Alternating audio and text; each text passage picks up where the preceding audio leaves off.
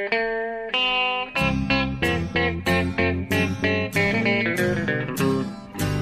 out there, we're on the air. It's hockey night tonight. Tension grows, the whistle blows, and the puck goes down the ice. The goalie jumps and the players bump and the fans all go insane. Someone roars, Bobby scores at the good old hockey game. Oh, the good old hockey game is the best game you can name. And the best game you can name is the Hallå, hallå, hallå, hallå, hallå, hallå, hallå där, hallå, hallå. Hallå och välkomna till eh, NHL-podcasten med Jonathan Broccolipajen Ekeliv, som vi hörde hallå där som vanligt, i Stockholm någonstans. Örby tror jag. Ja, fortfarande i Örby. Ja. Och jag då, Per Bjurman, eh, i New York.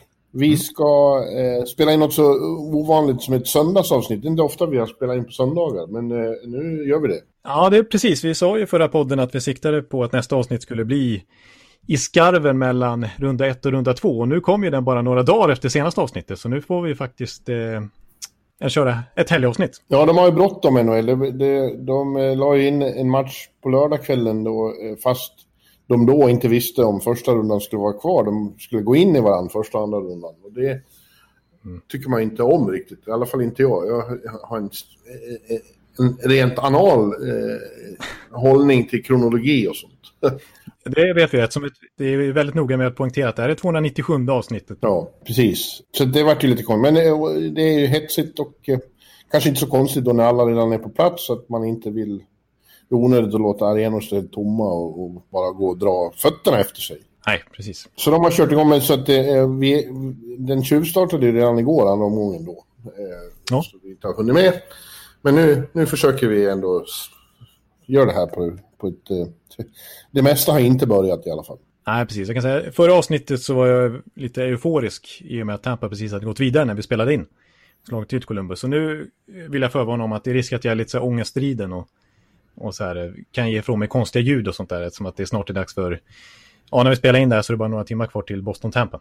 Första mötet där ja. Just det. Ja, men innan vi går in på de kvartsfinaler vi ska titta lite närmare på då så eh, fick vi nyhet här på, på söndagsmorgonen, inte helt oväntat, har Todd Reardon fått sparken som coach eh, för Washington. De åkte ju ut på ett ganska bedrövligt sätt mot eh, Islanders och eh, Todd fick bara två säsonger på sig och det gick ju inte alls bra. Det har, det har, inte, det har inte känts som det har varit liksom, eh, han har fått någon ordning på det där efter mästerskapet. Nej, precis. Det har varit en ganska på något sätt liknande version av det Washington som trots styrde, men lite sämre. De kommer ju liksom... Det är ju hans gamla assistent trots allt. Eh, men det är liksom... Det var, ah, det var en sämre kopia av Barry Trotz, en betydligt sämre. Och det såg vi i den serien också, när de, just de två möttes också, att det var... Ja, Trotz hade... Han, han ägde den serien helt enkelt mot Reardon. Ja. Och jag vet inte, alltså, det, han har fått mycket beröm genom många år och när han var assistent till Trotz så var det därför han fick det här jobbet också för att vara skicklig strateg och en potentiellt duktig huvudtränare, Todd Reardon. Men han känns, han känns mer som en assisterande. Han har inte riktigt den här head coach-karisma tycker jag. Jag tycker det Nej, är precis. lik, lik, liknar, Lik, lik, lik. jag, tycker, jag tycker det liknar lite grann eh, eh, ja, men John Stevens, om du kommer ihåg, i LA Ja, bakom ja, oh ja, oh. Sutter där liksom, som också hade, fick mycket beröm för, för hur strategisk och skicklig och hur mycket del han hade i deras dynasti där i LA. Men sen när han väl fick ta över efter Sutter så, ah, det var inte samma sak. Det känns lite liknande situation. De är liksom gjorda för att vara assisterande coach. Ja, han har gjort ett väldigt blekt, eh, en blek personlighet. Liksom. Eh, Han har inte gjort något avtryck eh, på det sättet. Men eh, vad jag undrar är, hur, va- varför tror sig fans veta så mycket om hur assisterande är?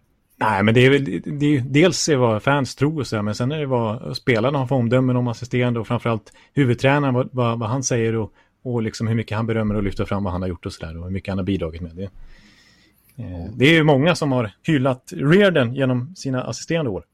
Det eh, var dock ett väldigt kyligt handslag mellan de herrarna efter serien mellan Washington och Islanders. Eh, Tror jag han, det var väldigt kort och inga, inget prat. Så det kändes som de hade inte någon vidare relation till slut. Nej, det blev en eh, spricka där. Det var ju lite konstigt hur, hur det gick till där när Trots faktiskt lämnade efter en Stanley Cup-titel. Ja, de kanske... Ja. ja, nu har han gjort sitt i alla fall. Han blir säkert assisterande snart igen någonstans i San Jose eller så. Ja, men vet, det håller jag för troligt. Ja, Och vem som tar över i Washington är inte klart då, men det finns ju en ganska djup eh, pool med namn nu. Ett oväntat som dök upp under morgonen som Craig Custens på Athletic föreslog. Han, han trodde att eh, Babcock skulle vara aktuell. Ja, det, det låter ju märkligt. Jag såg även att LeBrun la fram det som ett alternativ.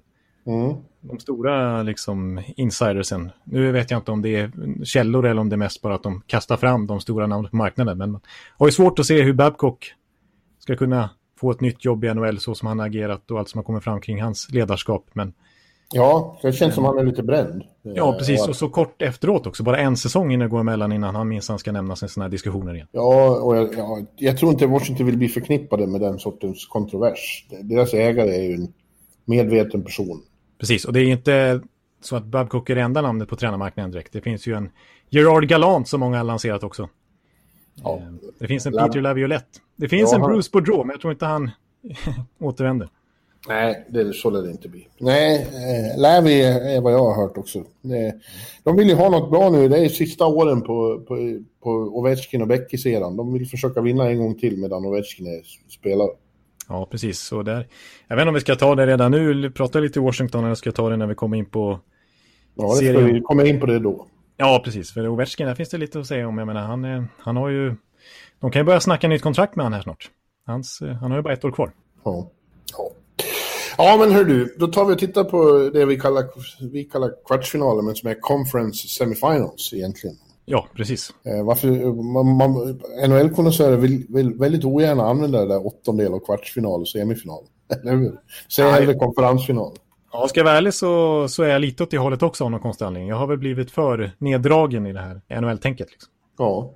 Ja, det, man det är ju en kvartsfinal. Det är mycket lättare att bara säga en kvart. Liksom. Och det är lättare att säga semi än konferensfinal också. Men det säger. Ja, precis. Ja. Man säger definitivt konferensfinal. Ja.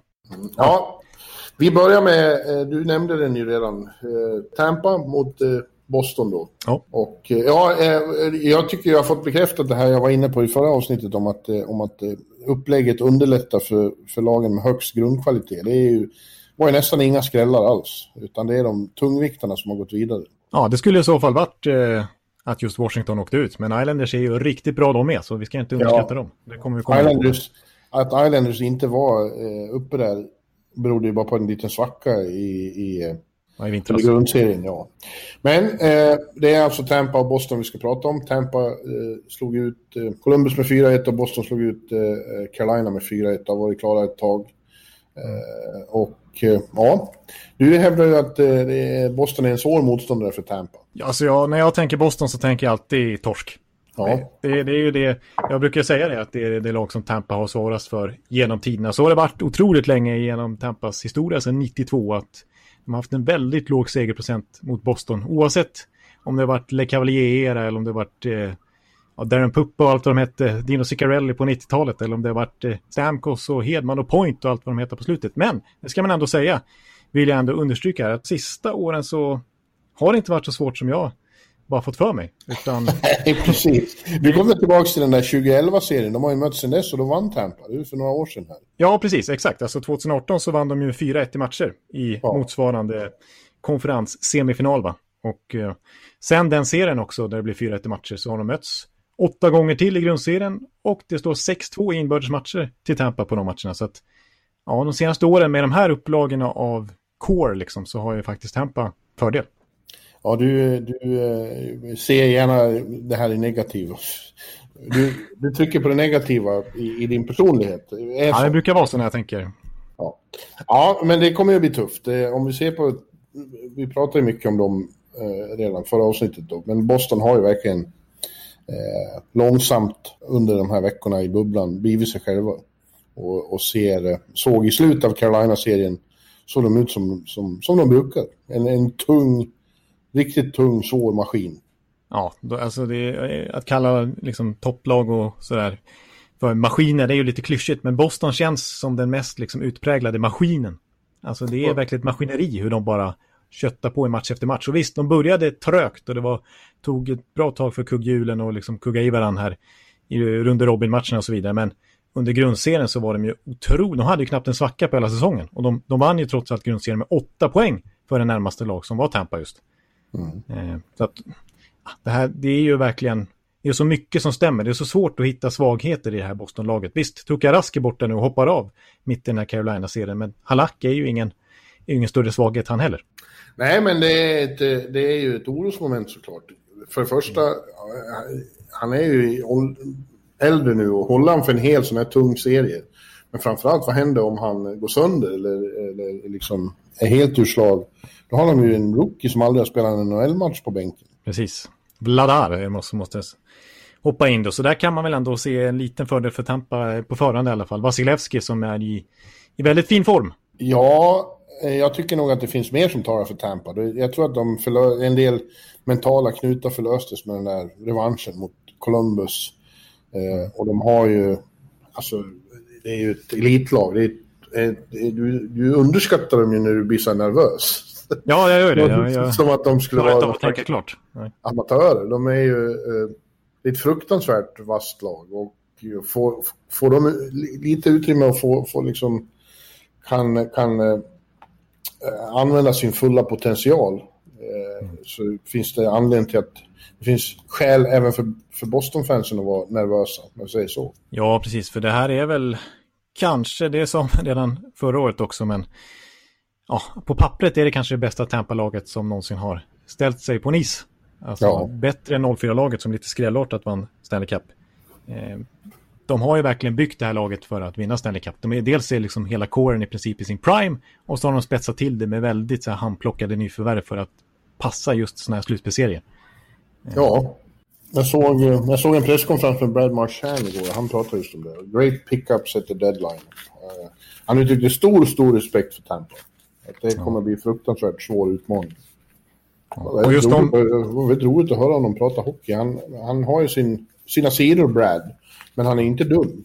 Han, han kan prata hockey på ett eh, väldigt intelligent sätt. Ja. Ja, han är ju i form, det var vi inne på förra veckan också. I det skedet så ledde han faktiskt poängligan i slutspel om man bara räknar första rundan. Mm. Och den mördande första kedjan är ju, ja, har ju bara varit igång och är ju så bra som man förväntar sig att den ska vara. Och även om Pasternak varit halvskadad så kommer han tillbaka i sista matchen där i Carolina-serien och gör ett antal poäng. Ja, men, men det är ju just det med Boston också som jag blir rädd för, alltså som Tampa-supporter. det är, det är faktiskt inte bara dem, utan intern poängliga just nu när de kliver in i den här serien, det är ju David Krejci i andra kedjan. Han har varit väldigt bra. Han har fått ett, ett lite comeback i det här slutspelet. Inte för att han har varit dålig, men, men redan 2011 så var ju han en, en, liksom ett vapen för Boston och han, det är han igen nu. Precis, och ja, exakt. Och kanske klara sig från lite mildare matchups liksom. Ja. Eh, och, och, även, alltså, Jake DeBrusk, alltså eh, Andrei Kase som de plockar upp vid deadline. Eh, lite stökig uppladdning för han eh, ihop med Pasternak som satt i karantän och så vidare. Men har sett bra ut och är ju en bra spelare. Och sen så Charlie Coyle och, som de tog in i förra året. Ja, det, det finns bredd i det här laget och det är en bra backsida. Och, ja, jag, de är bra. Ja, det, det, är väldigt svårt att, att säga vem, hur det ska... Jag tror det går till sju matcher. Men jag tror att eh, Tampas spets eh, blir utslagsgivande in igen. Så jag säger 4-3 till Tampa. Ja, okay. ja, jag vill bara understryka en till statistikgrej där, alltså, som Martian pratade om de där bra pickupsen. Jag tror eh, lyssnarna börjar bli lite trötta på hur vi tjatar om Goodrow och Coleman och sådär. Betjänten. Eh, betjänten, ja, ja precis. Men eh, i den här Columbus-serien så, de hade alltså, även om Columbus backar hem mycket så, så, att de här siffrorna blir kanske lite dopade, så de hade ändå 70% corsi, alltså skottövertag, när de var inne på isen. 70% är ganska mycket. Snacka om att förlägga spelet offensivt med sin ettriga tunga, riviga, hårda stil. Ja. Eh, det som Tampa saknat. 1-3 forechecking. Precis, de har ju kallats för skadedjur av Cooper. De, man blir inte av med dem, de bara kör och kör. Och fruktansvärt mm. jobbiga att möta. Ja, ja det, det, är ju det är den nya dimension som finns hos Tampa som är otroligt eh, värdefull nu i slutspelet. Den är helt avgörande faktiskt. Och det har saknats förut och jag tror, ja, det i kombination med att de eh, fortfarande har en enorm spets där i Point och Kucherov och, och, och några till. Hedman kan räknas in där och så kanske då Stamkos så småningom dyker upp också, vem vet? Ja, vi får se. Vi får se. Och i tidigare avsnitt har jag gnällt lite på Tampas spets och deras powerplay har inte kommit igång. Men det, ja, det är ju svårt att liksom blunda för Braden Points dubbla OT-avgöranden. Han har ändå gjort 10 poäng på åtta matcher och av vissa lyfts fram som en Conn Smythe-kandidat liksom, redan nu. Är, Stamkos på plats och är med i bubblan, eller hur är det med det? Jajamän, han är med och tränar och, och, ja. och sådär. Men eh, han har ju sina magmuskelproblem. Alltså det, det var en komplicerad eh, operation. Ja, och Cooper blev nästan irriterad igår på folk eh, om frågor om honom. Mm. Och sa att jag kommer med besked när det finns besked. Det är meningslöst att fråga.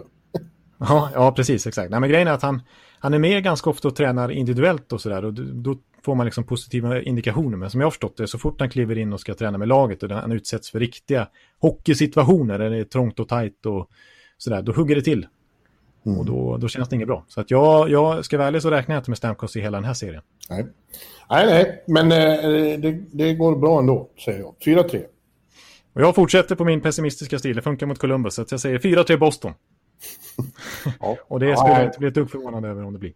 Det blir, eh, hur som helst så blir det, matcherna kommer att vara riktiga fältslag. Det kommer att vara riktiga, våldsamma kraftmätningar mellan två utomordentliga hockeylag, det kan vi slå fast. Ja. Senast de möttes i mars, då blev det 94 utvisningsminuter. Ja, just det. Så det, kom, det kommer bli hårt. Alltså Maroon fightades med Chara och så vidare. Så att de här lagen vet ju att de måste slå ut varandra. De är ju i samma division om de ska gå hela vägen och båda har den ambitionen. Så att det är alltid liksom dålig stämning mellan de här två lagen. Ja, de tycker inte om varandra. Nej. Nej. Nej, men det kommer att bli eh, fantastiska fältslag överallt. Eh, garanterat också mellan Philadelphia och New York Islanders då, som möts. Och det är första gången sedan 87, eh, märkligt nog, som de går upp Oj, det är i så länge sedan. slutspelsserie. Ja. 33 år sedan. Det, de är i samma division, så det är lite udda att det har tagit så lång tid för dem att stöta på varandra igen. Det, det var väldigt länge sedan. Ja, den här serien känns ju öppen också alltså. Ja, eh, Islanders hann vi prata en hel del om förra veckan också. Eh, mm. För de hade då redan slagit ut Washington. Väl? Eller, han, ja, han, de hade nej, en match hade, kvar. Ja, just det. Eh, Washington vaknade till i en match och Ovechkin drog med sig hela laget. Men, men sen såg de lika geistlösa ut i, i, i match nummer fem och blev tillplattade ordentligt. Det var en riktig flopp faktiskt. Eh, sammantaget så ja, vi var inne på Washington med sparka coachen nu. De, de, det var ett fiaskoartat framträdande i bubblan för deras del, tycker jag. Ja, det var det faktiskt. De var inte så imponerade i Run Robin-serien heller där och sen så 4-1 i matcher. Andra året i rad, de åker ut i första rundan och, och mot ett motstånd där de rankas ändå som nummer ett på pappret. Ja. Ja. Eh, all, apropå Ovechkin där som vaknade till en match, han var faktiskt den enda eh, som gjorde ett 5 mot 5 mål mot Islanders på fem matcher. Ja, ja du ser. Det säger en hel del. Det säger ju också väldigt mycket om Islanders dock. Ja, det gör det.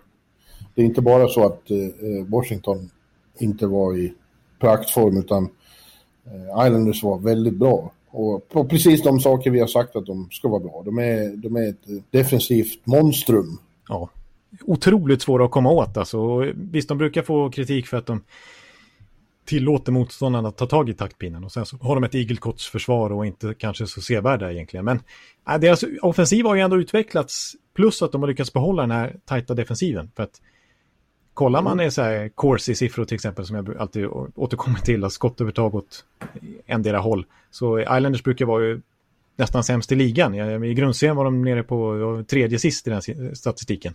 Men när det kommer till eh, liksom, riktigt heta chanser, alltså framför kassen, high danger chances som man brukar prata om, Corsi i den zonen, ja, där är ju, där brukar Islanders och trots lag vara bra. Och nu är de helt otroligt bra i den statistiken i det här slutspelet. Jag tror de ligger på 66 procent av skotten från slottet i respektive zon. Ja, ja man ser ju att det, de har ju udd där i, i Barzal och Bouvillier och, och, och, några till. Ja, precis. Och, och sen jag skulle komma in på det också att i vanlig kurser så liksom över hela banan så ligger de runt 50 procent nu helt plötsligt. Så de har ju, de har ju utvecklat sin, sin offensiv. Och eh, du sa de eh, två spelare i de två första kedjorna där. Men eh, sen, din favorit är Peugeot. Mm. Alltså, det är en lyx att ha han i tredje kedjan för att jag tyckte jag såg att hans tredje kedja där har eh, på tredje plats i slutspelet när det kommer till högst expected goals, alltså hur många mål man förväntas göra utifrån chanserna man skapar. Nu blir det mycket sånt statistiksnack, men alltså det, det, har, det är ja, deras tredje kedja. Liksom. Ja. Så att, eh, det är verkligen det är bredd. Det är bredd. Ja, men framförallt har de fortfarande ett massivt försvar. Och de där eh, tre backparen som inte får så mycket cred för att det inte är så starka personligheter och profiler. Eh, de är väldigt extremt solida. Och framförallt det första där som ju ägna viss tid åt senast ändå med Ja, Pulak och Pelek. Ja. Det blir som en person eftersom de har nästan samma namn också. Ja, PP. ja, precis. PP. PP-grabbarna där. Ja, men de går upp mot ett lag nu då som vi för eh, innan första rundan började hade utsett till nya favoriter i Stanley Cup. För att de var så väldigt bra i round robin-matcherna. Ja. Riktigt likadant känns det inte efter Montreal-serien. De vann ju visserligen ändå till slut med 4-2. Eh, Men eh, det har ju svajat lite under den serien. De har haft en fantastisk målvakt i Carter Hart och, och det är ju, han är ju en av de stora stjärnorna i, i årets playoff. Ja. Inget snack om det. Men, men eh, eh, alla delar av laget har inte varit på, på högsta nivå direkt. Framförallt inte de förväntade, sådana som Giroud och, och, och Couturier har vi inte sett så jättemycket av faktiskt. Nej, ingen av dem har gjort mål. Nej, det har ju delvis att göra med det, min, min, min, min gamla käpphäst där om att de största stjärnorna tas ju extremt hårt under slutspelet och är de som, det ägnas ju en jävla massa energi åt att ta bort dem. Så det är andra som måste kliva fram och det är ju, har ju visat sig vara en styrka hos somliga lag. Då. Men eh, jag, känner, jag känner inte lika stort förtroende för Flyers längre.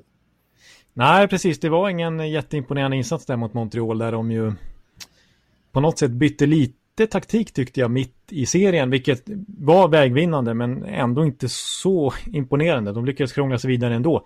Eh, I de här round robin-matcherna, då, då var de ju det bättre laget i alla. De vann ju välförtjänt mot Tampa, mot Boston, mot Washington.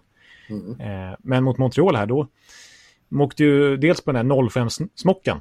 Ja, den är, den är ju eh, liksom oroande, måste vara för Flyers-fansen ja, mot ett lag som ju i vintras då, det har hänt mycket sedan dess, men i, ja, när stoppet kom, var långt ifrån slutspel. De hade, skulle inte ens gått dit. Och ändå så åker Flyers på liksom däng. Så, och spelmässigt i den här serien så var det ju faktiskt Montreal som dikterade 5 mot 5-spelet ganska mycket. Överlägset mest skott. Och så brukar visserligen Montreal ha det, även om de Ja, de, de skjuter på, på nästan allt, så det blir ganska dopade siffror här. Och, och de hade faktiskt ja, 60-40 i, i course i den här serien för Montreals fördel. Så det, ja, och i grundserien så låg Montreal tvåa i NHL när det kommer till skottövertag. Och ändå så, så de är inte så effektiva. Det, det, det är mest att de skjuter mycket. Eh, men eh, ja, lite, lite oroväckande tyckte jag att eh, Flyers gav bort taktpinnen så pass mycket, drog ner tempot så pass mycket och, och liksom inte kom till heller. Eh, de, de krånglade sig vidare som sagt, men, men fortfarande spetsspelarna, alltså som sagt, inget mål av Giroud, inget mål av Couturier, inget mål av Connectny. Jameson Reeves stack bänkade ett antal matcher. Eh, Ja. Det, det var faktiskt Carter Hart framförallt, då, som vi var inne på först av allt, som, som var den stora MVPn för dem. Ja, det var det. Och, och jämfört med Islanders vill jag säga det här med att liksom krypa upp i lite igelkottförsvar och lämna över taktpinnen. Islanders som sagt 66 procent i de här eh, övertag i de här riktigt farliga zonerna. Medan Flyers tvärtom 33 procent. Alltså det, de släppte till många farliga chanser för Montreal. Men lyckades ändå klara sig tack vare Hart. Ja. Eh, Det hände ju en del intressant där i de två sista matcherna. Det var ju minst sagt eh, livat i, i kommunikationen mellan lagen eh, genom media då. Det var ju Brandon Gallagher i, match fem Ja, precis. fick vad som visade sig vara käke avslagen av när han fick men- Niskanen. Ja, en armbåge i ansiktet. Eh, Och det var ju en eh, dental eh, skräckscen i båset under matchen. Eller tandläkaren höll på att greja med tänderna med bloden skvätte om Gallagher. Det är otroligt hemskt för oss som har tandläkarskräck. Ja, precis. Och ändå så skulle Gallagher hålla på och skrika och käfta lite grann trots att det flög blod ur munnen på honom. Ja, sen fick han kunna inte vara med och Niskanen varit avstängd och, och eh, Vigneault uttalade sig väldigt eh, nedlåtande om alltihop. Han sa att som han käftar kan det inte ha varit så illa. Och, eh, det är inte Niskanens fel att han är så kort. det var hårt. Ja, men det där finns ju historia kring. För att eh, eh, när Vigneault tränade Rangers och de mötte Montreal i konferensfinalen 2014 så eh, knäckte ju Brandon Proust käken på, på sin gamla kompis Derek Stepan. Ja, just det. Och vad hände då tror du? Gallagher sa att som han käftade så kan det inte vara så farligt. Nej, precis. Ja. Så det, och coacher glömmer inte, säger de. Har de varit Nej. med? De två har ju duster mot varandra. Jag menar, det var ju Julien mot Vigneault i Stanley Cup-finalen 2011 som var en av de hetaste någonsin också. Boston mot Ja. Vancouver. Just det. Men de är ju, de är ju vänner de. De har ju varit med i kanadensiska landslaget ihop. De är fransk-kanadensare båda två. Men, ja, precis. Men det finns lite intern prestige där. Ja, och dessutom har han ju, som han också har haft, rejäla duster med, eh, Therrien. Han är ju assisterande åt Vigneault. Ja, just det. Just det. Så de är ändå vänner, Jonathan. Ja. Ja, eh, men eh, Vigneault, eh, han, eh, slugen då, han, eh, han coachade ju bra. Som du säger, de fick ändra lite taktik och så. Det, var, det lönade sig ju. Ändå. Ja, precis. Det gjorde ju att, eh, att de förändrade lite stil på serien. Ja. De vinner trots allt tre av fyra matcher efter den där 5-0-smockan och tar sig vidare. Så det ska de ju ha. Och, Ja. Mm. Det finns ju min känsla- sparkapital här tror jag. Min känsla är ändå att eh, det kommer inte bli lättare för Couturier, Couturier och, och Giroud och, och sådana att producera mot Islanders. Eh, och jag tror att om, om Islanders bara får hår på Carter Hart och gör några mål per kväll, då tror jag att de, eh, de tar den här serien faktiskt. Eh, jag, jag är imponerad och lite rädd för Islanders. Ja, det måste jag ändå säga också. Jag tycker de har kommit in, de har hittat den här, det är rätt Islanders, det är inte den här versionen som vi såg i januari, februari, mars. Som eh, trots gnällde över och tyckte helt hade kommit ur hjulspåren. Istället är det det här laget som gick 17, 18, 19 matcher och hur långt det var utan att tappa poäng i ja, november ungefär. De kan ju vara liksom så otroligt sammansvetsade när allt funkar, när, de, när det studsar med dem. Och Mm. de är inne i det nu. Ja, det är det. Och så som sagt då, offensiven har blivit lite bättre jämfört med tidigare år. Så att, ja, jag, har- jag har faktiskt skrivit ner 4-3 till Islanders. 4-2 sa jag i mitt officiella tips. Jag har redan tippat det här i tidningen. Ja, just det. Ja, vi, är- vi har båda vänt då, från eh, Flyers-hyllningarna till att eh, pusha för Islanders. Ja, ja jag säger 4-2 till, eh, till Long Island-pojkarna. Ja. Jag tycker vi kanske ska återkomma lite grann till Washington också, då, som blev utslagna av Islanders. Eh, alltså Reardon är ju är borta då, det har vi avhandlat. Eh, vi har pratat en hel del också om att eh, Holtby förmodligen har gjort sin sista match där. Mm. Det blir ju Samsonov när han är skadefri här som kommer tillbaks och, och, och kommer ta första spaden nästa säsong. Och Holtby, jag är lite osäker på hur marknaden ser ut för honom. Jag menar, tidigare har vi pratat om att när vi har liksom, det har ju spekulerats länge om att han, han kan lämna efter den här säsongen, men och att han då ska vara helt på marknaden. Men det är ju en otroligt diger målvaktsmarknad som följer efter den här säsongen. Det är ju, vi kommer komma in på ett otroligt hett svenskt målvaktsmöte här snart, där eh, både Robin Lehner och Jakob Markström är ju free agents. Vi har eh, vi har ju Khudobin i Dallas. Vi har eh, Talbot i, som gjorde ett bra intryck faktiskt i Calgary här nu som är free agent. Vi har Thomas Greis i Islanders. Vi har Corey Crawford i Chicago. Vi har det går att trada för en Matt Murray i Pittsburgh. Det går att trada för en Henke i Rangers, en Georgiev i Rangers. Så att jag är lite osäker på om Holtby får så bra betalt som han hade kanske förväntat sig tidigare. Nej, så är det nog. Han sa för övrigt själv efter sista matchen att eh, det är mycket möjligt att det var hans sista match med Caps. Eh, och då var det nog det. Men eh, nog får han jobb, även om han inte Ja, får... ja så, så långt har det inte sjunkit, verkligen inte. Utan han kommer vara någorlunda helt på marknaden då, men det blir inte den lönen som han hade förväntat sig tror jag. Nej. Och sen eh, tror du att de börjar förhandla med Ovechkin? Ja, däremot eh, på den fronten tror jag att han kan förvänta sig en hög lön. Det blir spännande att se hur mycket det blir. Eh, han, är, han är ju, fyller ju 35 i september. Men han, kom, han har fortfarande mycket argument på sin sida genom att göra 48 mål i grundserien under vintern och vinna skytteligan igen ihop med Pasternak. Då.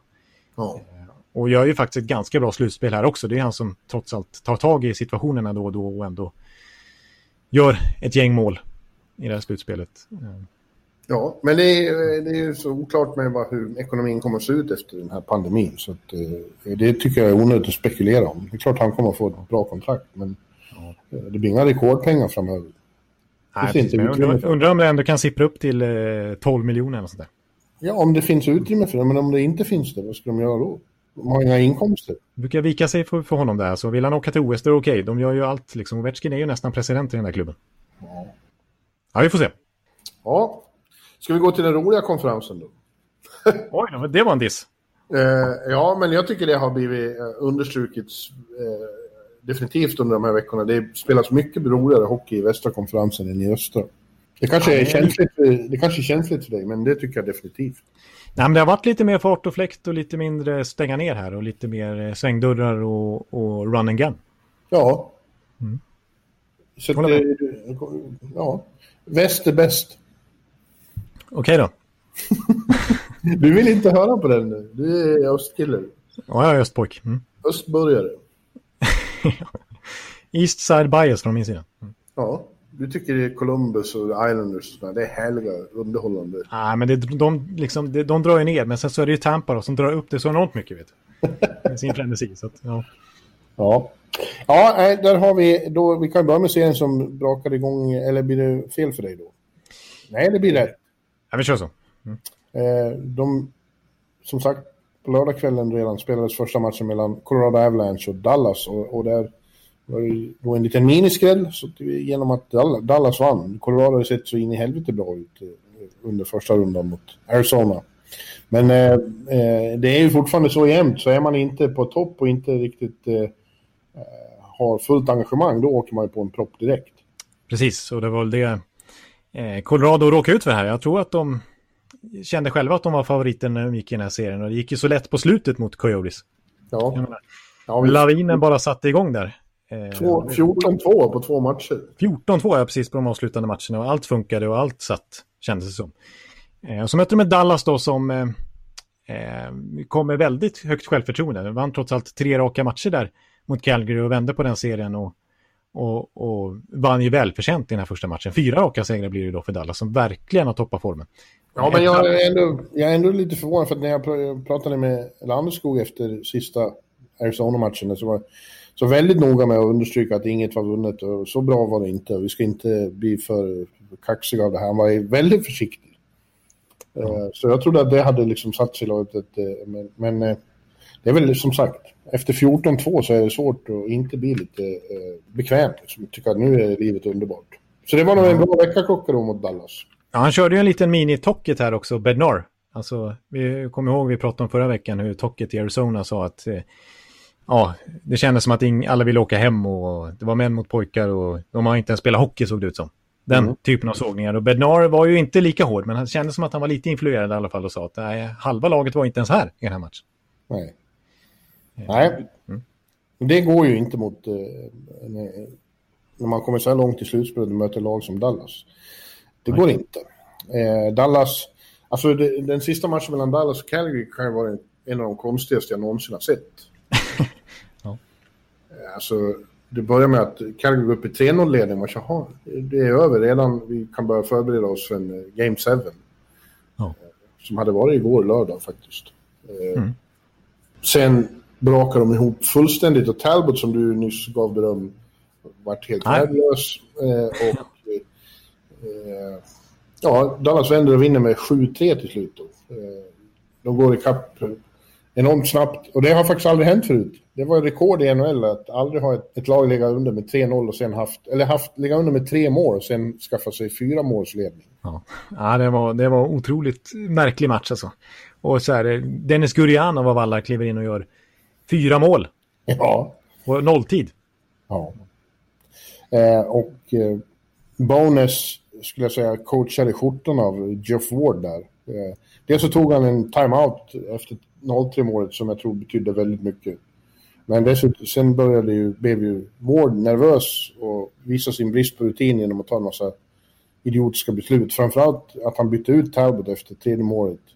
Satte in Rittich, som han inte har visat något förtroende under hela slutspelet. Nej, skogen jättekall också, han har inte spelat på hur ja. länge som helst. Mm. Nej, och, och, så, och så kommer Talbot tillbaka. Det var ju eh, otroligt dåligt.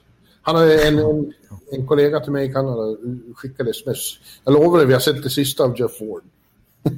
ja, det var ingen imponerande insats i en elimination game liksom. Nej, det var det inte. Men Dallas då såklart, det är fantastiskt för självförtroendet och, och de är lite som Boston så till att de såg ju också väldigt slaka ut under round robin-matcherna men har sakta blivit bättre och bättre.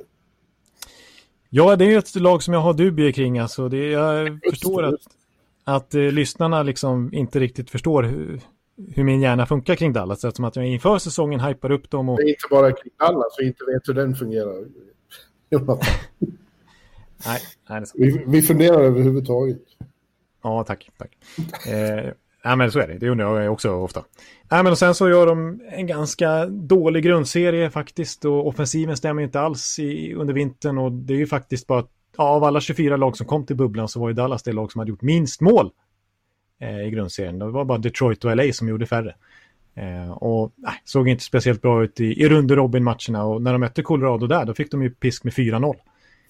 Eh, men eh, ja, sen så successivt så varvar de ju faktiskt igång den här Calgary-serien och, och spelar riktigt bra. De här tre, tre raka segrarna, även om det var 0-3 där så, så var det imponerande insatser av Dallas. Och nu ser de sådär, det som gjorde att jag tippade att de skulle vinna inför säsongen, det var att då var jag färgad av fjolårets slutspel, där de ju faktiskt bara var, var otroligt nära att slå ut mästarna St. Louis där. Det var ju Game 7 double OT som krävdes för att St. Louis skulle slå ut Dallas. Mm. Eh, och nu, då tänkte jag över sommaren där att ah, jag var imponerad över Dallas slutspel och nu har de spetsat till det med, med Pavelski som kommer in. Eh, Corey Perry lite rutin och sen så blir ju Miro Heiskanen ett år äldre och så vidare, tänkte jag. Eh, och när man tittar just nu så är det ju, det är ju, det är ju fjolårets slutspels-Dallas som visar upp sig igen. Mm. Och det är Miro Heiskanen som har definitivt har blivit ett år äldre och fullständigt briljant. Och en Pavelski som bidrar jättemycket och har gjort en poäng per match hittills. Ja, Pavelski och Perry är ju, är ju stor skillnad för dem, skulle jag vilja påstå. Ja, så den här Dallas-upplagan, den, den, är ju riktigt bra. Det kan jag inte säga något annat om. Nej. Men i Calgary, eller Colorado känns ändå snäppet vassare på nästan alla punkter. Även om det är en, en fantastisk match i matchen där mellan de två stora backsnillena, eh, Heiskanen och McCarr. Ja. De, de två och Quinn Hughes kommer framöver att vara de tre Norris-nominerade många år i följd, tror jag. Ja, det är absolut inte otroligt. Jag vill ju ändå tro att om, om Colorado kommer, om alla är där, för, för att travestera Bernardo, så kommer de att dominera fler matcher än de kommer att åka på stryk. Det tror jag. Ja, så är det väl. Um, Ja, precis. Så det är ett bakslag som de råkade ut för i första matchen, förutom att de torskar då. Det var ju att Grobauer... Ja, det är oroande. Eh, men det är lite lika på ett på samtidigt där, för att den tilltänkta första keepern i Dallas är Bishop och han är också borta. Ja. Eh, och Sjödobben har ju för gjort det jättebra, gjort det jättebra i flera år som backup där och känns ju, ja, han skulle ju rent objektivt nästan kunna konkurrera ut Bishop ändå. Och samma sak vill jag säga om Franchos som jag brukar strida lite för. Du brukar sätta lite frågetecken för Colorados målvaktsuppsättning. Ja. Men eh, i grundserien, ja, Franchos hade faktiskt bättre statistik än Grubauer. Och de få matcher Franchos har stått i slutspelet, liksom runt Robin-matcherna där, han har också bättre statistik än, än Grubauer. Han är ju inte så orutinerad som man tror. Han är ju helt färsk på den här scenen. Men han är ju 30 bast. Det är ju en, det är, det är en väldigt etablerad målvakt i Europa sedan tidigare. Gagarin, Gagarin Cups slutspel och OS-turneringar och VM-turneringar och sådär. Så att, eh, jag tror att han kommer klara av det ganska bra. Och att de inte behöver oroa sig så mycket för Grubauers skada. Nej, jag hoppas, eller hoppas jag, jag eh, du kan ha rätt, men jag, jag, jag kommer tillbaka till att jag flera gånger har sagt att de borde ha vässat till sitt målvaktspar. Men eh, ja, mm. vi får se. Det, det, är för mig vad som skulle kunna eh, välta på det här. Men annars så jag har jag tippat 4-1 till eh, Colorado. Det vet jag inte om jag törs stå fast vid längre. Då ska de vinna fyra raka nu. Det känns kanske inte så troligt. Mm. Men med, med, med den eh, fantastiska hockey de spelade mot, mot Arizona när de var som bäst och hur, hur de fick hela laget och, och känna som det tredje kedjan känns som en första kedja för andra och sådär. Ja. Eh, så har jag svårt att se något annat än att de vinner. Men jag får säga 4-2 nu. Ja. Ja, jag vill lägga till en grej här. Man ska inte återvända för mycket till grundserien. Det är bara att fråga hur Dallas, eh, hur deras form är nu. Men i grundserien så möttes de i fyra gånger de här lagen. Och Dallas vann faktiskt alla fyra. Ja, de kanske har, de kanske har något på Colorado. Ja, det verkar nästan så. Eh, så eh, Men eh, sen så har du round robin-matcherna. Ja, det var det 4-0, tvärtom då, till ja. Colorado. Eh, ja, men jag tycker, eh, jag tycker faktiskt, jag är faktiskt en som jag gnällt kanske mest på i Dallas genom hela säsongen här. Det är ju Jamie Benn. Ja. ja. Men han var ju, det var verkligen good old vintage Jamie Benn i första matchen. Alltså, shit vad bra han var. Alltså, dels hela det som är Jamie Benn, det här liksom kraftpaketet, men också passningsspelet, blicken. Det var... Han du var... tror att Dallas kan eh, ta det här? Alltså? Ja, men, jag, jag, ska jag tänka med hjärnan så tänker jag ju Colorado trots allt. Jag tycker de är mer kompletta. Jag tycker de har imponerat mer totalt sett och deras högsta nivå är enorm. Och de har Nathan McKinnon som känns... De har Nathan McKinnon. Han känns som Mr. Conn Smythe i det här slutspelet. Han är, han är... Det finns ju vissa som vill argumentera för att han kanske till och med är bättre än Conor McDavid. Ja. Och jag kommer inte ägna jättemycket tid för att säga emot i alla fall. Han är mer, han känns kanske mer... Eh, fler strängar på sin lyra. Han, eh, mer komplett kanske. Samtidigt som man har nästan samma toppkvalitet. Är, de är ju lika explosiva liksom. Ja, ja. Eh, I alla fall mm, jämförbara. Eh, ah, nej, jag, så jag, jag skulle nog säga Colorado. Men sen så känner jag samtidigt, jag sa det även i Dallas-Calgary-serien när jag sågade Dallas, att ah, jag måste ändå tippa dem eftersom att jag sa det inför säsongen. Jag säger samma sak nu här mot eh, Colorado. Jag, har ju, jag får ju stå fast vid mitt Dallas-tips hur mycket jag än eh, liksom svajar i, i, i min syn på dem. Eh, så att jag säger 4-3 matcher till Dallas. ja, du får väl säga det då. Jag säger nu 4-2 till Colorado. De, de kommer tillbaka. Ja, det, det, det, skrev jag också i tipset här som har gått på sajten. Att, eh, Nathan McKinnon får Conn Smythe och han tar emot en, en minut innan Gabriel Landeskog lyfter Stanley Cup-bucklan. Ja, okej. Oj, oj. Där ser man, det var profetier. Ja, det är, ju- jag står fast vid tipset från början av alltihopa med Colorado och Tampa. De som eh, har, har förarsäte i min shrine här på, på vardagsrumsgolvet. Ja, just det. Den sista serien vi har kvar då är... är eh, nu tappar jag bort mig helt här, men det, det är ju... Det är Vegas. Vegas mot, mot Vancouver. Vegas Golden Knights mot Vancouver Canucks. Och som du redan har nämnt, eh, inbyggt ett hett svenskt målvaktsmöte i Stanley Cup mellan eh, Robin Lehner och, Jakob Markström. Och eh, ja, så vitt jag kan komma ihåg så senast och kanske enda gången det har hänt tidigare var när Lundqvist och Johan Hedberg gick upp i första omgången 2007. med Rangers Atlanta. Jag tror inte det har varit mer i slutspel. Nej, inte som jag kan komma på faktiskt. Nej. Nej, Nej det här känns... Den här känns ju superhet, den här du- duellen alltså. Det är, båda är ju verkligen i sitt livsform. Ja, det är de. Det är två svenska superstars som är målvakter och eh, det är första gången på 15 år som vi inte börjar svenska målvaktsdiskussioner med Henrik Lundqvist. Nej, precis. Man tänker när hans era är över så, så kan det bli lite tunt på målvaktsfronten med blågula ögon. Men här har vi faktiskt två ja, topp 10 målvakter i ligan, tveklöst. Så Ja, som den här säsongen har varit. Ja så, så är det. Eh, Vegas slog ju då ut Chicago eh, utan större problem. De tappade en match för att Chicago var så ystra och, och hade så mycket energi. Eh, och det har vi redan pratat om.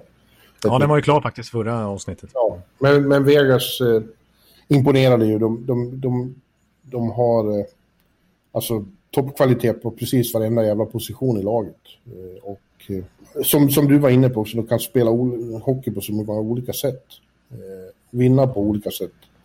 Ja. Eh, de blir ju favorit här med, men, men eh, eh, hur skrev jag? Jag kommer tillbaka till mitt tips tiden. Jag är lite kär i Vancouver Canucks.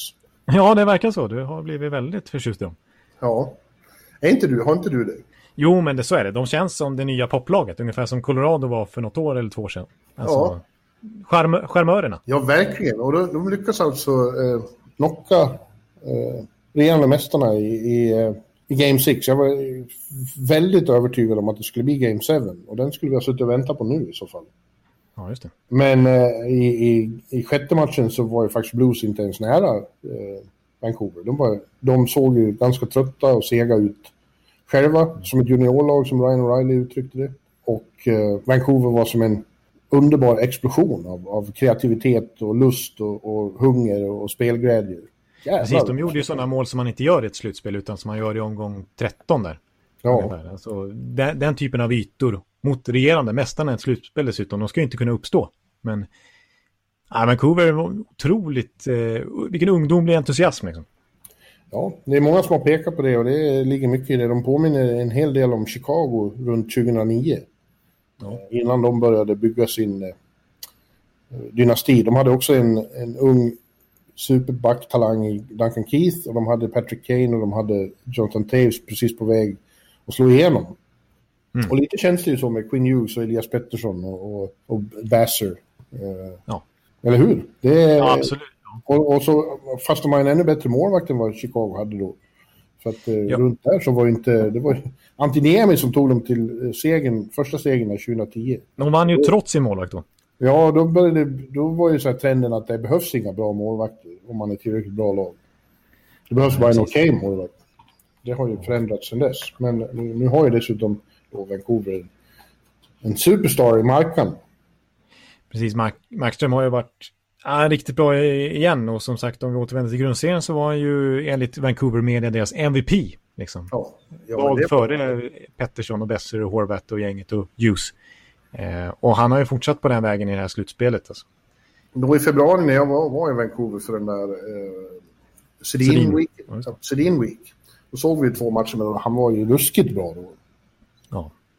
Han hade och det har han varit nu också. Eh, och det är, det är ju underbart. Eh, alltså, snacka om ihärdighet. De första åren i NHL, han har ju varit här över tio år nu. I Florida fick han ju aldrig några riktiga chanser. Och sen var han backup länge i Vancouver. Men visar ju att, att eh, för de som har det i sig så kan det verkligen tjäna på att bita ihop och, och härda ut. Precis, det är ju lite samma med Lener om vi kommer in på honom. Snacka om att bita ihop och komma... Alltså det är verkligen mentalt starka de här två.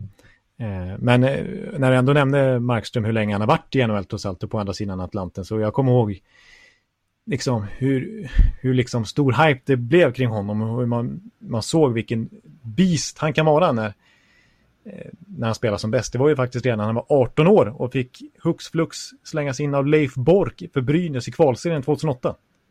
Mm. Och de hade total panik och deras två etablerade målvakter kastade in puckar och, och, och Bork kände bara jag måste kasta in den här 18-åriga junioren om vi ska ha en chans att klara oss kvar i, i serien. Och han var ju kvalseriens bästa målvakt, så han hade 93 procent och släppte in under två mål per match. Så de, gick, de klarade sig kvar. Så att eh, Markström, då var han en riktig beast och, och sen dess han, väl, han har liksom brottats lite med dels brist på chanser men också att inte riktigt tagit dem och varit lite för ojämn. Men nu tycker jag att det var länge sedan han, alltså de senaste ett, två, tre åren så har det blivit mycket jämnare. Och, och sen har han ju den här högsta nivån som man kan komma upp i. Eh, som verkligen är. Han, han, är ju ett monster då. Liksom. Ja, ja applåder till honom. Det är väl kanske också, det pekade DeBoer på, att det ofta är så att det, det tar väldigt lång tid för målvakter att nå sin fulla liksom, potential. Ja, det är det, kanske min starkaste käpphäst i, käpphäst i podden, att det är just det på det viset. Ja, nu har ju andra vissa, som som Carter Hart verkar ganska färdig redan nu. Ja, nu har det varit lite liksom eh, undantag verkligen här på slutet med Hart eh, och Vasilevski också. Eh, och några till. Samsonov och så här som är på väg upp. Men annars har vi sett många exempel på målakter som har behövt många år på sig för att, ja, Binnington till exempel i fjol, men Bishop eh, behövde lång tid på sig. Ja, man kan nämna många exempel. Ja, men hur, hur eh, underbart jag nu än tycker det är med Vancouver, så ser verkligen fram emot att se dem Eh, så eh, tror jag att Vegas nog är ett eh, nummer för stort. Det trodde vi om St. Louis också och, och de, de var, dominerade ju Blues i de sista matcherna. Mm. Men jag tror att det blir svårare mot, mot Vegas. Det, det, är, det är svårt att, att, att, tro något annat, eller hur? Ja, jag, jag säger det också. Eh, Vegas är så otroligt starka. Så jag, jag måste återgå en sista gång till eh, expected goals och de här konstiga grejerna jag snöar in mig på. Men alltså, och här tycker jag inte det är riktigt jämförbart mellan de här två lagen eftersom att eh, Vancouver stångades mot St. Louis medan ja, Vegas hade trots allt lättare motstånd i Chicago. Men om man, om man ser på expected goals så var det så att samtliga spelare i Vegas hade över 50% expected goals när de var inne på isen. Från första serien till sista backpar. Medan faktum är då i Vancouver, även om jag tycker att de förtjänar att slå ut Blues så var det faktiskt så att bara sex spelare eh, låg över 50 procent i förväntade mål och det var eh, Pettersson och de här toppspelarna medan 17 låg under 50 procent i expected goals förväntade mål utifrån lägena de skapade och så vidare. Eh, så de blev ganska tillbakapressade totalt sett över den serien även om de vann välförtjänt. Men eh, medan Vegas... Ja, men då hade de ju en eh, supermålvakt. Ja, precis. Och det ska man inte glömma bort. Okay. Men, men sen är det ju då att Vegas har ju också en supermålvakt. De har två. De har ju en som är sur i alla fall hans agent. ja, jag skulle just komma in på det. Jag tog upp Alan Walls eh, Twitter-sida. Nu har han ju tagit bort det där. Han har raderat nu. Mm. Mm. På, på, på uppmaning av Flurry. Men bara häromdagen då så la han inte en bild med ett svärd rakt genom eh, kroppen på Flurry. Ja, precis. Eh, Där det stod DeBoer på svärdet. Ja, och det är alltså... Eh, han är ju speciell Alan Walsh. Det finns ingen som, eh, som, som sliter så hårt i sociala medier för, för sina klienter. Nej, precis. Det var ju han som var ja, Drouins agent när, när Drouin bråkade med Tampa en gång i tiden också. Ja, Jaha, du, jaha, du, du är bitter på dem sen dess. Ja, jajamän, så är det. Mm. Redan 2011, när, när, eller 2010, var det ju Halak är ju hans man också. Han sådde, han sådde ju split i Montreal där. Men det, den gången fick han ju rätt. Det var han som tjatade om att Halak skulle in istället för, för Price. Och, ja, och så bar Balak, Halak laget hela vägen nästan. Ja, Halak lever fortfarande på den slutspelsinsatsen. Ja, eh, men eh, det eh, blir ju väldigt uppståndelse kring sånt här då. Och eh, misstankar om att det är målvaktskontrovers i Vegas. Men det, det verkar inte så... Flower är för, för rutinerad för att ställa till scener. Han är ju verkligen inte den typen som Nej. vill göra sånt heller. Så det är därför han har bett Walsh att ta bort det här och han har sagt väldigt tydligt att eh, ja, han eh, är liksom all in i Vegas eh, jakt på Stanley Cup här och att det är helt upp till tränarna att bestämma vem som står och han stöttar Lener och han har bad, bad eh, Walsh ta bort den här tweeten och, och att visst, Walsh försökte väl försvara mig för att jag spelat lite, men, men jag tänkte, mitt enda fokus är att vi ska vinna matcher och vem som än står, typ. Så, och det, här, det, det, grejen med Flower som kanske är lite bittert är att det händer igen. Alltså, det var ju så här han lämnade Pittsburgh. För att en ja. yngre förmåga klev in och tog över första spaden när Flower kanske trodde att han ändå var första valet. Ja, men det, sånt här händer ju. Vi har ju sett det här i New York, milt uttryckt, under vintern. Eh, och det är lite smärtsamt när stora ikoner och hjältar och, och det har han ju hunnit bli Flower i, i, Vegas på sin korta tid. Han var ju symbolen för att de gick till final eh, ja. första året. Ja. Men alltså kommer det någon som är bättre, alltså coacherna kan ju inte ta hänsyn till det. Jag, jag ska spela den här för han är sån fin gammal trotjänare. Och det, det är ju lika här, får man ju lov att erkänna med Rangers. Så du kan inte spela Henke för att, för att han är Henke. Nej, utan det är ju en färskvara trots allt, hockeyn. Ja. Så man måste välja den bästa för stunden. Men eh, det är ju å andra sidan en av deras främsta styrkor, Vegas, att de har ju de har ju bättre förspänt där än någon annan. Skulle mm. Lena gå sönder eller inte vara i form så är Flower en lysande ersättare. Precis, de har två första keeprar, de har två första kedjor. Ja. Eh, och så har de väldigt bra däremellan också på övriga lagdel, övriga positioner. Så att... ja. ja, jag säger att, att Vegas vinner med 4-2. Ja, eh, jag säger en till sån här gammal eh, grej från eh, historik med de här lagen sedan tidigare. Det är faktiskt så att Vancouver är det enda lag som i hela NHL som inte, än så länge, inte lyckats besegra Vegas i ordinarie tid. Ja, det är ju bra. Eh, så att, eh, alltså, Vegas är Vancouvers boogie-team senaste åren. Men nu är det nya förutsättningar, antar vi. Ja, men vad säger du då? Eh, ah, jag säger att det blir jämnt alltså. Jag hade nog jag tror väldigt mycket på Vegas eh, att gå hela vägen faktiskt. Men ja, Vancouver imponerar så pass mycket mot St. Louis här att jag tror att det blir jämnt. Men jag säger ändå Vegas i sju matcher. 4-3. Okej. Okay. Vi, vi, måste ju nämna Elias också. Han ja, jag, jag, tänkte på det också. Han är alltså delad etta i, i poängligan. Eller var i alla fall innan Colorado spelade igår. Ja, McKinnon stack iväg med tre poäng till då. Men, ja, men okay. efter första rundan så var jag i Elias eh, delad etta med McKinnon. Mm. Ja. Och det med, borde väl alla diskussioner vara slut om huruvida han är superstar eller inte. Han är superstar. Ja, precis. Alltså det jag tycker är coolt med Elias som tillhör verkligen den nya generationens superstars.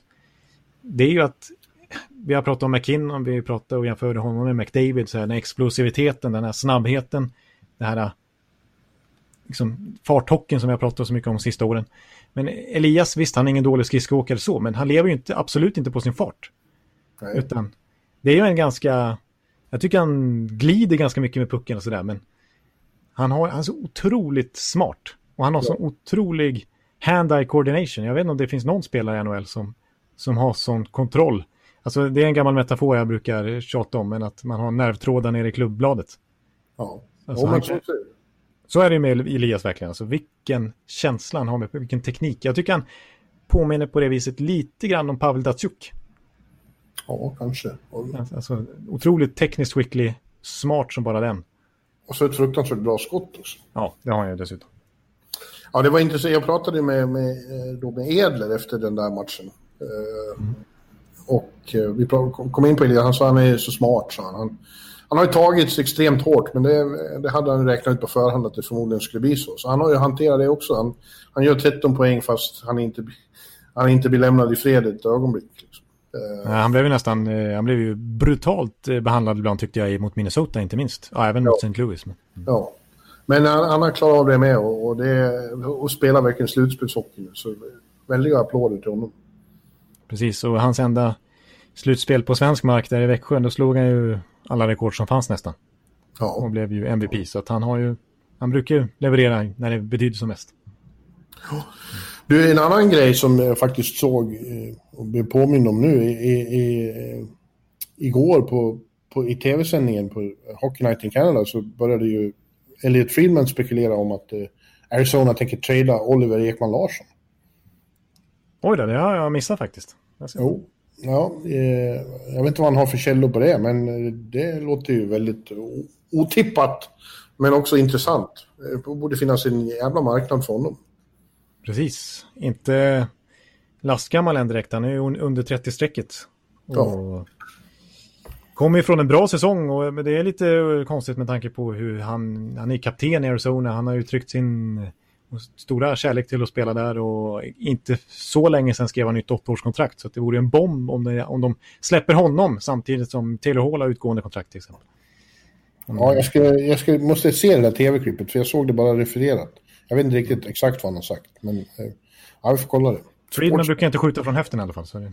Nej, det är det som gör det intressant. Ja, ja. Hörru du, vårt eh, All-Star-lag då, har du hunnit ta ut ett sånt?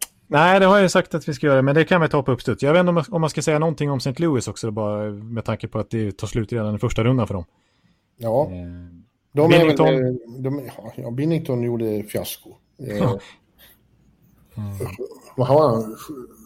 70 procent i räddningsstatistik någonting. Ja, nå, nästan så. Alltså. Och sen och det här avancerade som jag brukar referera, referera till, goal saved above average. Han släppte alltså in nio mål, mål fler än man borde ha gjort, så som den statistiken utgår från. Ja. Det är ju extremt, det är brutalt. Mm. Ja, de kom ju bara ögonblicksvis upp i normal standard också. De var, de var eh, en besvikelse. Ryan O'Reilly gjorde några riktiga kanonmatcher, men, och, och, Perron var bra då och då. Eh, men i övrigt så var det inte många som, som gjorde något... eh, man fick intrycket att de... Det var många där som inte tyckte om det här upplägget och ville, ville hem. Nej, precis. Det var, jag tyckte de var en av de lag som uttryckte det mest på förhand också. Och, Ja. och så visade det sig även på plats. Liksom. Men, eh, och där måste vi också nämna, apropå att Ekman Larsson kan, kan om han kan lämna Arizona, en, en storback i St. Louis som har, faktiskt har utgående kontrakt. Och det är ju Pietrangelo, kaptenen. Ja, det verkar ju troligt att han har spelat sin sista match där också. Precis, han var lite emotionell där när han blev intervjuad efter uttåget. Så var fullt medveten om att det kanske inte blir någon fortsättning där. Eh, mycket spekulationer om Toronto.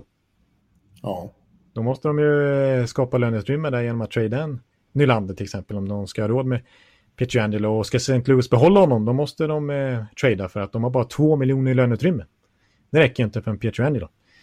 Eh, men han är ju väldigt rotad i St. Louis. Jag tror att han helst vill stanna kvar där. Alltså, han har en, en fru som är från St. Louis och de har trillingar ihop. ja just Att det. han vill helst inte flytta därifrån tror jag, men en stor anledning till att det ryktas om Toronto det är ju dels för att de behöver defensiv hjälp, men också för att han är en Toronto-kid, att han ska göra en Tavares och gå dit som UFA. Ja. ja, det skulle väl inte skada i Toronto, men... Ja, ja. Ja, nej, men en besvikelse, får vi säga. Ja. Ja, men vi tar ett eh, veckans lag på uppstuds då. Ja, och jag ställer Markan i kassen. Det är Jakob Markströms vecka. Ja, men jag håller, jag köper det. Mm. På backsidan, nu har inte jag heller hunnit, liksom, det är på uppstuds. Ja, men vi kör det, vi kör från, vi skjuter från höften, vi gör det som Elliot Friedman inte gör. Ja, då säger jag Cale McCarr och, och Miro Heiskanen på backen. Okej, jag säger Heiskanen given. Ja. Eh, och Ta Pulo. ja, det skulle man kunna göra. Nej, men eh, nej, jag slänger in han igen då, Quinn Hughes faktiskt. Ja. Ja, fantastiskt. Men äh, inte riktigt lika dominant de där sista matcherna. Nej. Men okej. Det blir ett Vancouver-färgat lag. Ja, det jag- blev lite för mycket Vancouver kanske. Jag ska se om... Ja, McKinnon måste med igen. Ja, Mac, Mac, jag tycker en annan ung back, Mac, McEvoy. Jag vill ha med McEvoy faktiskt. Jag tycker han har gjort det väldigt bra. Okej, okej. McKinnon, Elias Pettersson och uh, Gurjanov. Ja, Guriano, ja. Ja, det är svårt när man har gjort fyra mål och inte blir uttagen i mitt lag. Nej, nej precis. Gjorde faktiskt ganska mycket mål i vintras också, så jag ta tillbaka lite grann alltså, av alla om honom, av alla att han gör mål. Han gjorde ju en över 20 mål i, i vintras och det är en gammalt första runda val som Dallas har hållit hårt i. Så att de har ju bara väntat att han ska explodera. Men, eh, ja. Vad sa du? Gurjanov Pettersson.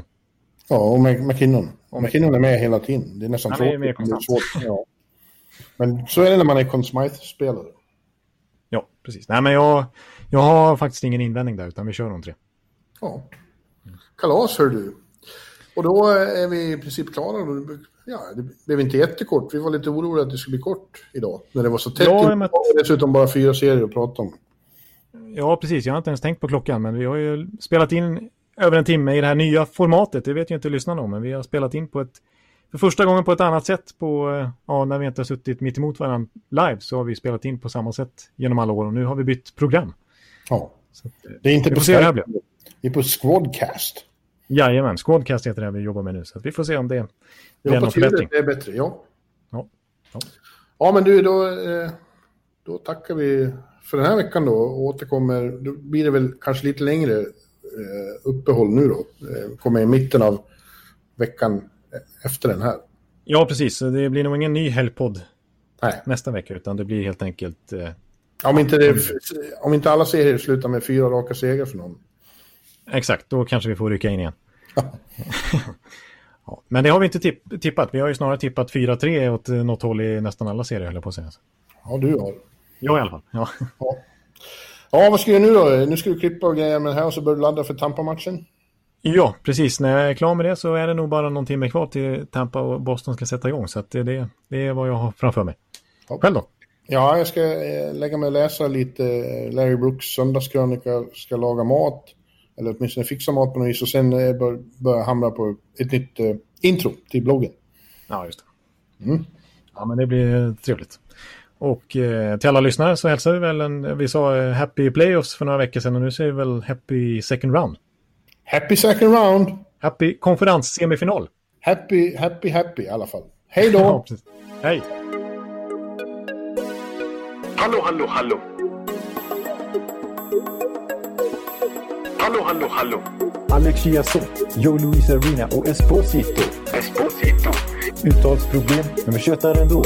Och alla kan vara lugna, inspelningsknappen är på. Bjuder Hanna Kohl, han är grym i sin roll. Från korrespondenten har han fullständig kontroll på det som händer och sker. Det blir ju allt fler som rattar in hans blogg. Och lyssna på hans podd. One, two, three, speed, so Hallå, hallå, hallå. One, two, three, speed, so Hallå, hallå, hallå. Ekeliv, som är ung och har driv. Verkar stor och stark och känns allmänt massiv. Han hejar på Tampa och älskar Hedman. Sjunger som Sinatra. Ja, och det ser man. Nu är det dags för refräng. Dags för magi, Victor Norén.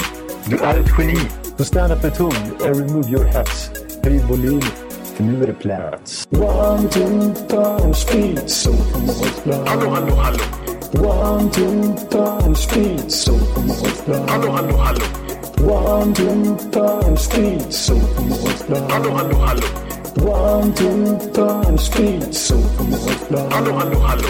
Det är otroligt länge sedan båda samtidigt var så här bra. Hallå, hallå, hallå. Det är otroligt länge sedan båda samtidigt var så här bra.